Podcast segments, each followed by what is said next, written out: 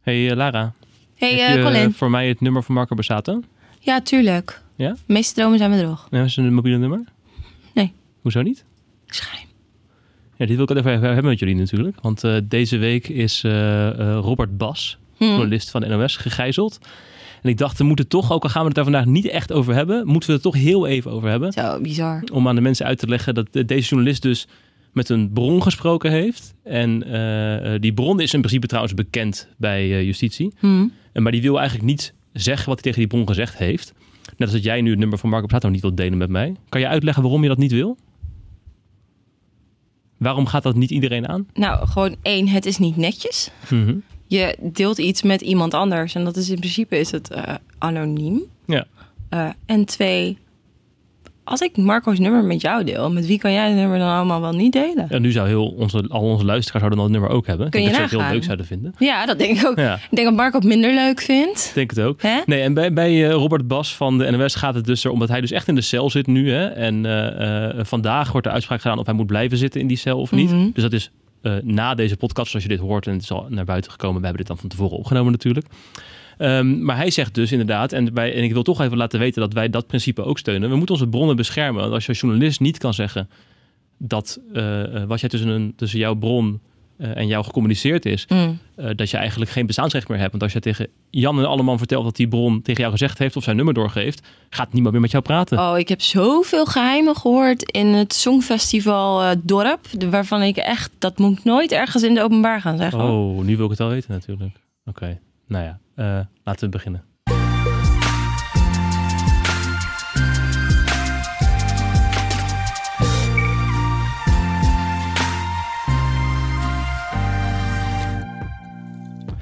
Want we gaan het vandaag niet hebben over Robert Bas. maar We gaan het hebben namelijk over Prins eh, Harry en Meghan. Iets heel anders. Veel belangrijker. Ja. Eh, ja, kun je misschien... We hebben, we hebben, eh, Lara, jij hebt het wel gehoord. Eh, vertel, wie ben jij? Wat doe je hier? Nou, ik ben Lara. Ja. Eh, heel lang was ik coördinator entertainment, maar daar ben ik sinds een paar weken mee gestopt. Ik ben nu verslaggever entertainment. En Ja. dat betekent dat ik met allemaal mensen praat. En eh, ik maak ook onder andere het roddeloverzicht en in de bladen. Wat dus ook betekent dat ik heel, heel, heel veel Nederlandse roddelbladen lees. Ja, en Danja, jij zit ook op de entertainmentredactie. Ik zit ook op de entertainmentredactie. Ik ben redacteur en eh, nou ja, ik schrijf nieuws, maar ook achtergrondverhalen, weekendverhalen. En deze week dus over Harry en Meghan. Gaan we het zo over hebben. Ik zal mijzelf nog even introduceren, want normaal zit Gert Jaap hier en jullie denken, wie is deze gast? Eh, Colin van Hoek, adjunct hoofdredacteur en ik mag Gert Jaap een weekje vervangen, want Gert Jaap is lekker op vakantie. Ibiza, toch? Ibiza, jij is al terug inmiddels, Ah, maar nog niet aan het werk vandaag. Ehm, we gaan eerst naar de lezerspost, denk ik. Ja, is helemaal goed. Eh, laten we dat eens doen.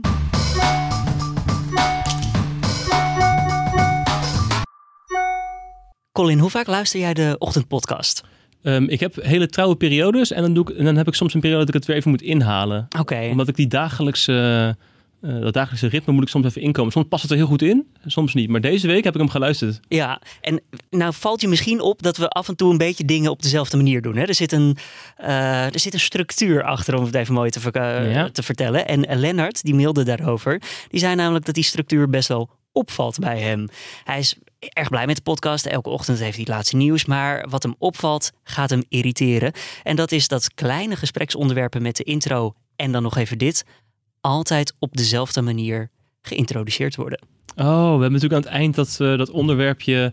We hebben het hoofdonderwerp. En dan Ja. aan het eind hebben we nog een vaak een luchtiger Eh, Gewoon onderwerpje. een Niet klein dingetje, iets wat je lekker kan vertellen bij de koffie of zo, met je collega's kan bespreken of met je vriend, vriendin, man, vrouw, noem maar op. En dan zeggen jij en Carné altijd. En dan hebben we nog even dit. Ja, En dat irriteert eh, deze beste man. Dus. ja, ik kan het ook wel begrijpen, want we doen die podcast inmiddels al twee jaar of zo. En het is altijd, oh ja, en dan nog even dit. Maar zijn punt is dus dat we daarmee eigenlijk zeggen. Wat nu komt is niet belangrijk. Want dit doen we nog even daar- daarna. Ja, en d- dus misschien moeten we daar een andere manier voor vinden. Ik kijk even hier naar, we zitten in een creatief bedrijf, jongens. Eh, Oh god. he- heeft iemand een idee, eh, een Ik alternatief? zie het zelf een beetje, zeg maar, als... eh, ja, nou ja, dan kom ik weer met entertainment dingen. Maar bij Boulevard heb je die tune. En als je die tune niet meer hebt, is Boulevard Ja. niet meer. Dus ja, ik weet niet. Maar ik denk dat de ochtendpodcast niet meer de ochtendpodcast is... als jullie niet zeggen, en dan nog even dit.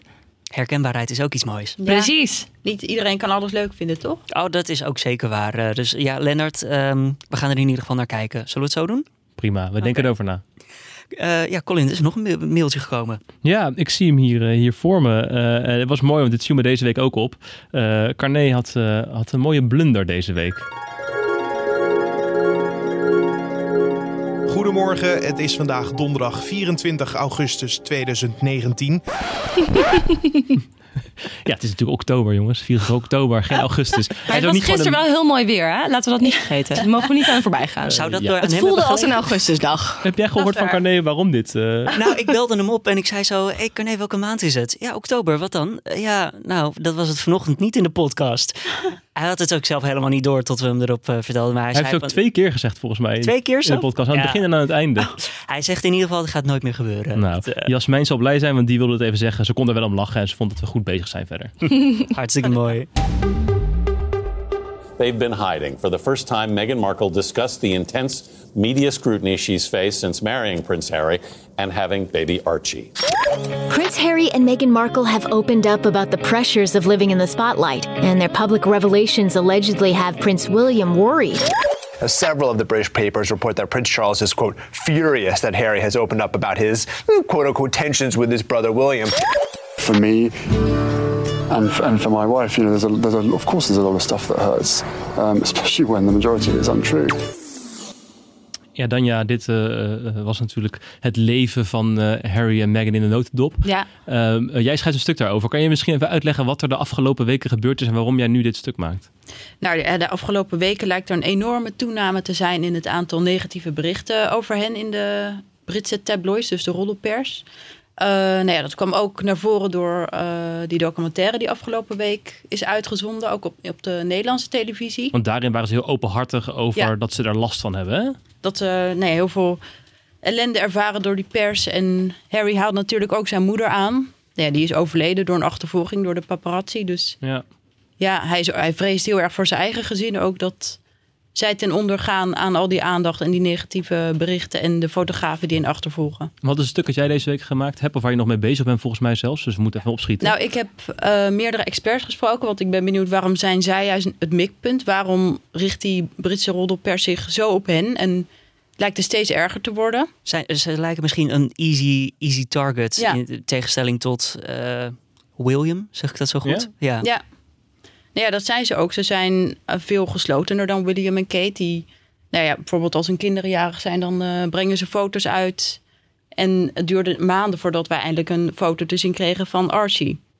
En mensen die vragen zich dan af, nou, hoe ziet die baby eruit? Nou ja, die willen wat zien. En de Britse pers die ziet hun daarom als een heel makkelijk mikpunt van negatieve aandacht. Ja, en jij schrijft een stuk dus daarover hoe dat allemaal ge- gekomen is Ja. en, en waar, wat daarachter zit. Ja. En ik wil het, eigenlijk vandaag even met jullie hebben over, eh, over die Britse pers en over de vergelijking met de Nederlandse pers. Want Lara, we hebben in Nederland mediacode. Ja. Eh, wat houdt het precies in? Nou, dat houdt in dat eh, het Koninklijk Huis, de leden van, de van het Koninklijk Huis, in de basis met rust gelaten worden. En er zijn een x-aantal speciale persmomenten waarop de leden van het Koninklijk Huis ehm, gefilmd worden, gefotografeerd worden. Bijvoorbeeld een leg heb je ieder jaar een fotomoment, dat is de hele familie bij elkaar.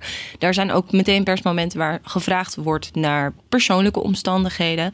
Eh, heel af en toe zie je dat ook voorbij komen als ze bijvoorbeeld een museum openen of zo. Er wordt wel eens een vraagje tussendoor gesteld, maar het is altijd gelieerd aan het onderwerp waarvoor ze er zijn. Ja. Eh, en in Nederland hebben we afgesproken dat we het daarbij houden.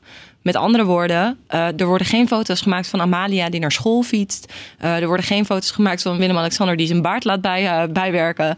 Dat soort dingen doen we in Nederland gewoon allemaal niet. Nee, privémomenten, daar doen wij als Nederlandse Privé pers is geen privé. Daar, Ja. Dat is in principe de, re- de regel. Dat betekent overigens niet dat er niet van alles en nog wat gespeculeerd wordt. Want dat wordt wel degelijk. Maar dat is wel op een totaal ander niveau dan dat het in Groot-Brittannië is. Ja, maar dan- waarom is dat verschil er dan dan? Ja, weet jij waarom ze dan in de Britse pers kunnen ze er ook gaan afspreken? We hebben een mediacode. Maar Ze zijn daar sowieso harder. Hè? Die nuance is wel heel belangrijk om toe te passen. Ja. Ja, Want dit is een, Ja. deze mediacode is in principe vrijwillig, Ja. toch? Die heeft de media gewoon afgesproken met Ja. eh, de RVD, de Rijksvoorlichtingsdienst. Er is niet een wet of zo die dit verbiedt.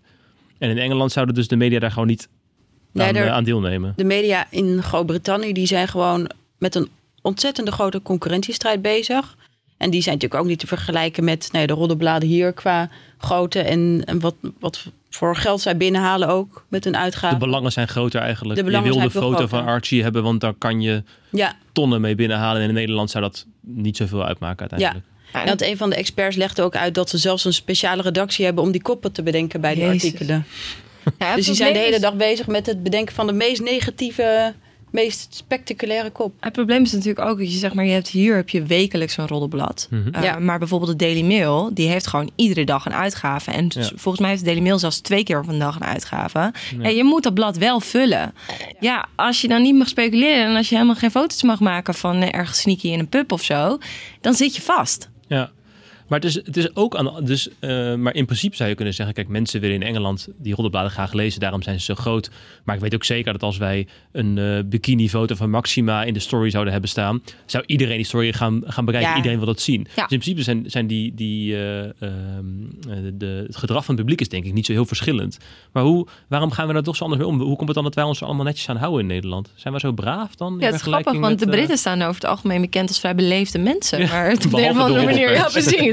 Maar die tabloid gaat het de andere kant op. Ja, Ja. ik weet niet, ik weet het niet. Misschien weet jij dat. Nou ja, de mensen waar het om gaat, Harry en Meghan, zijn natuurlijk ook veel spectaculairder dan Maxima en Willem-Alexander. Is dat zo?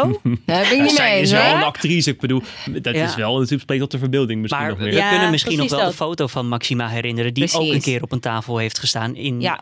Argentinië uit mijn hoofd. Toen Ja. was er nog geen prinses en toen sto- bestond die code misschien ook nog niet. eh, Nee, maar- zeg maar voor het huwelijk. Dus Ja. voor 2002. Toen gebeurden dit soort dingen wel op een ander niveau. Maar gebeurde het wel enigszins ook in de pers in Nederland. Ik bedoel, toen was zij nog niet officieel verbonden aan het Koninklijk Huis. Dan is er gewoon meer ruimte. Ja. Toen is er ook heel veel geplaatst en heel veel bedacht. En weet ik veel wat. En ik denk dat het ook niet helpt dat Meghan en Harry een bepaalde ruimte bieden aan de pers. En tegelijkertijd die ruimte weer meteen intrekken. Want ze willen wel ehm, praten over. Ze, ze praten wel openhartig over ruzies met, eh, met, met William. Ja, Maar tegelijkertijd zeggen ze ook. Ja, en nou niet meer. ja. En, en ze Ja. zeggen het heeft hele grote impact, hè? Want daar hebben we nog wel een quoteje van Meghan, volgens mij, die uitlegt waarom het dan zo zwaar is. Want wij kunnen dat misschien nog niet voorstellen, maar hoe heftig het is om die pers achter je aan te hebben. it's not enough to just survive something, right? Like that's not the point of life. You've got to thrive. You've got to feel happy. And I think I really tried to adopt this British sensibility of a stiff upper lip. It has its, you know, it has its I advantages, tried. I, I guess. really tried. Um, but I think that what that does internally is probably really damaging. Um, and the biggest thing that I know is that I, I never thought that this would be easy. Dus hij zegt eigenlijk, ehm, ik moet me anders voelen dan ik ben. Ik heb er heel veel last van. En alleen maar overleven is niet voldoende. Ik moet ook gewoon genieten van mijn leven. En dat kan ik nu dus niet. Ja. De mensen die jij gesproken hebt of voor dit verhaal, kunnen die zich daar iets bij voorstellen bij, dit, eh, bij haar standpunt?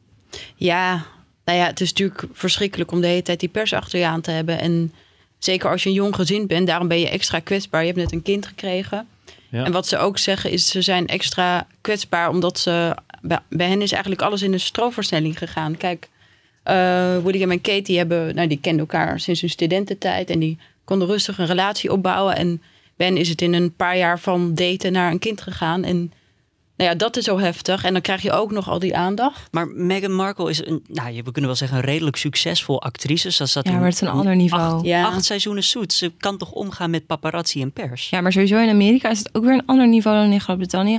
En wat ik denk dat, dat voor Meghan ook een ding is, dat zeg maar, eh, kijk, het, het leeft nu op, maar tegelijkertijd leeft het al vanaf het moment dat zij zijn begonnen met daten, leeft het op. Want zij wordt al de hele tijd zwart gemaakt. Ze wordt constant vergeleken met Kate. Er wordt constant gezegd van ja, die Amerikaanse manier van doen, dat heeft niks te maken met onze Britse manier van doen.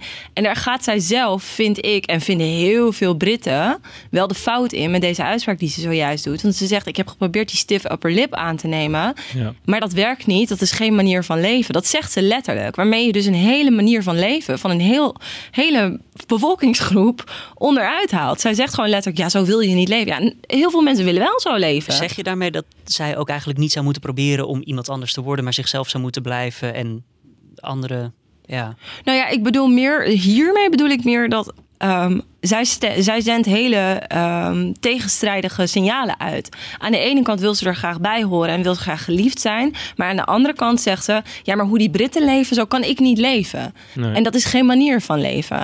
En daarmee haal je, maak je jezelf niet geliefder bij het Britse publiek. Nee, En daar zit het probleem ik. nu. Maar het is natuurlijk wel een, een. Dus je hoeft je niet geliefd te maken, dat is prima. Nee. Maar ze hebben natuurlijk een rechtszaak nu lopen tegen de Daily Mail. Nee, de Sun. Nee, De Sun, tegen, tegen, de. Oké, tegen, een, tegen een Brits tabloid, eh tabloidkrant. ehm, omdat die gewoon onwaarheden verspreiden en haar Ja. constant zwart maken. Dat is natuurlijk wel iets anders. Nee, het is een heel het ander niveau. zijn met nee, nee, dat is ook zo. Alleen wat ik probeer te zeggen is dat zij helpt haar eigen zaak niet Nee, verder. nee. En dat is wel iets waar over nagedacht moet worden.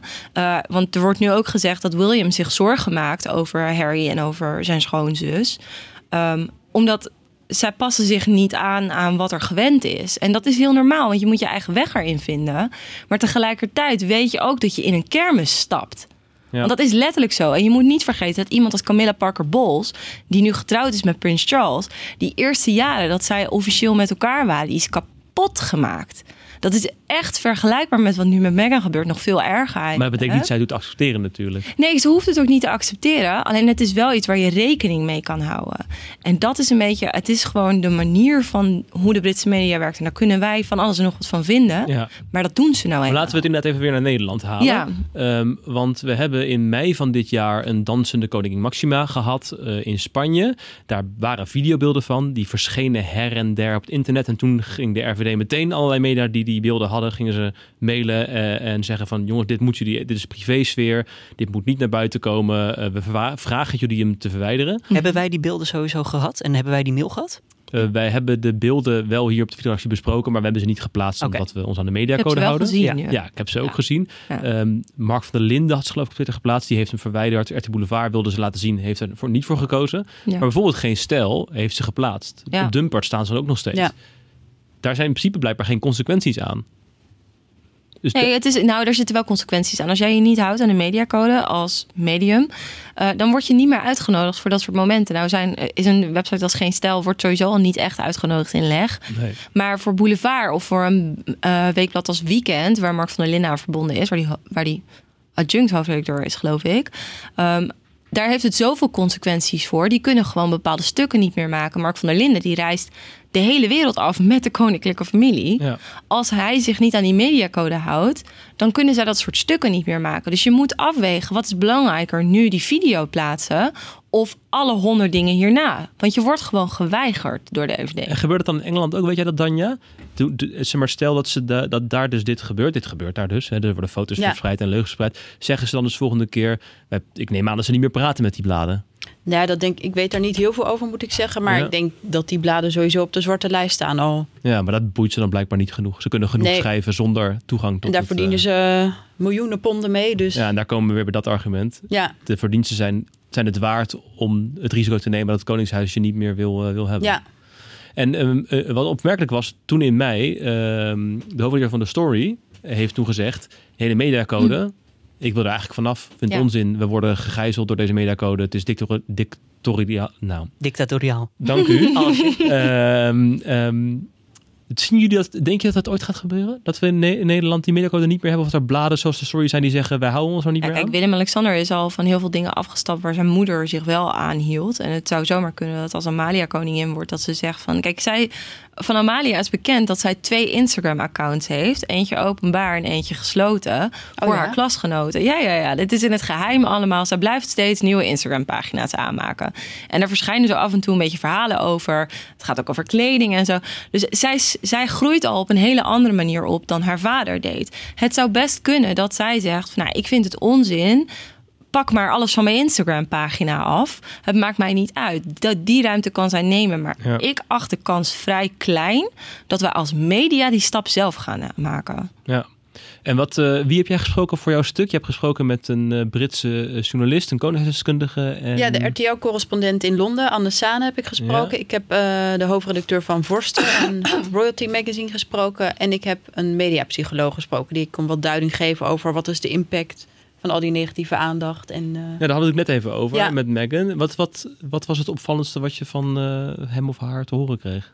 Ehm Misha Koster, en hij, eh, die vertelde, nou ja, eigenlijk het beste wat je in zo'n geval kunt doen... is kijken van wat klopt er nou eigenlijk van wat die media schrijven. En nou ja, daar kan je dan eventueel wat aan doen. Maar alles wat er niet klopt, en dat zal in dit geval het overgrote deel zijn... moet je gewoon naast je neerleggen. Maar ja, dat is natuurlijk ook veel makkelijker dan gezegd. Maar goed, Dat doe je niet zomaar. Jij spreekt iemand voor een stuk wat wij nu publiceren op nu.nl. Loopt er niet iemand daar op het eh, kasteel van Windsor rond die zegt van... Hé hey Meghan, hé hey Harry, kom nou. Weet je, dit Ja, gaat zij al- hebben toch ook dit soort jaren- mensen? Precies. Ja. Komen, krijgen zij geen advies van mensen die Ja, dit keer op keer... Te, eh, waar- waar gaat het dan fout? Want bij William gaat het goed. Althans, gaat het beter. Ja, maar je ziet bij Harry ook dat hij veel meer last heeft nog van wat zijn moeder is overkomen. Hè? Hij is daar hij- heel open over geweest. Ook. Hij heeft daadwerkelijk weer staan huilen bij een of ander ding. Het is echt heel lang geleden, maar bij hem heeft dat zoveel impact op zijn leven gehad. Ik denk dat het bij William ook het geval is, maar hij heeft het misschien beter kunnen verwerken. En bij Harry is dat minder. En dan hebben dit soort dingen ook gewoon meer weerslag dan als je dat wel goed hebt kunnen verwerken. Advies heeft dan gewoon geen zin eigenlijk. Nee, daarbij kan, is, het, is het ook nog zo dat Meghan wordt neergezet. En ook al voordat ze met Harry ging, als een vrij emotioneel persoon. Eh, dus die trekt het zich ook meer aan dan iemand als Kate. Ja, dat is vrij logisch. Ja. En Ze komen ook uit een heel. Kate en Meghan komen uit totaal andere milieus. Hè? Ja. Dus dat zijn ook allemaal dingen die er effect op hebben. En dan kun, kan nog iemand 26 keer tegen jou zeggen: je moet dit of je moet dat. Maar het blijft je gevoel. Ja. Ja. En, en eh, heeft Anne bijvoorbeeld nog misschien iets gezegd over... En nu dan? Ze zijn emotioneel, ze hebben een rechtszaak. eh, ehm, wat, wat, en hoe nu verder? Nou ja, wat zij hen aanraadt... niet dat zij natuurlijk de...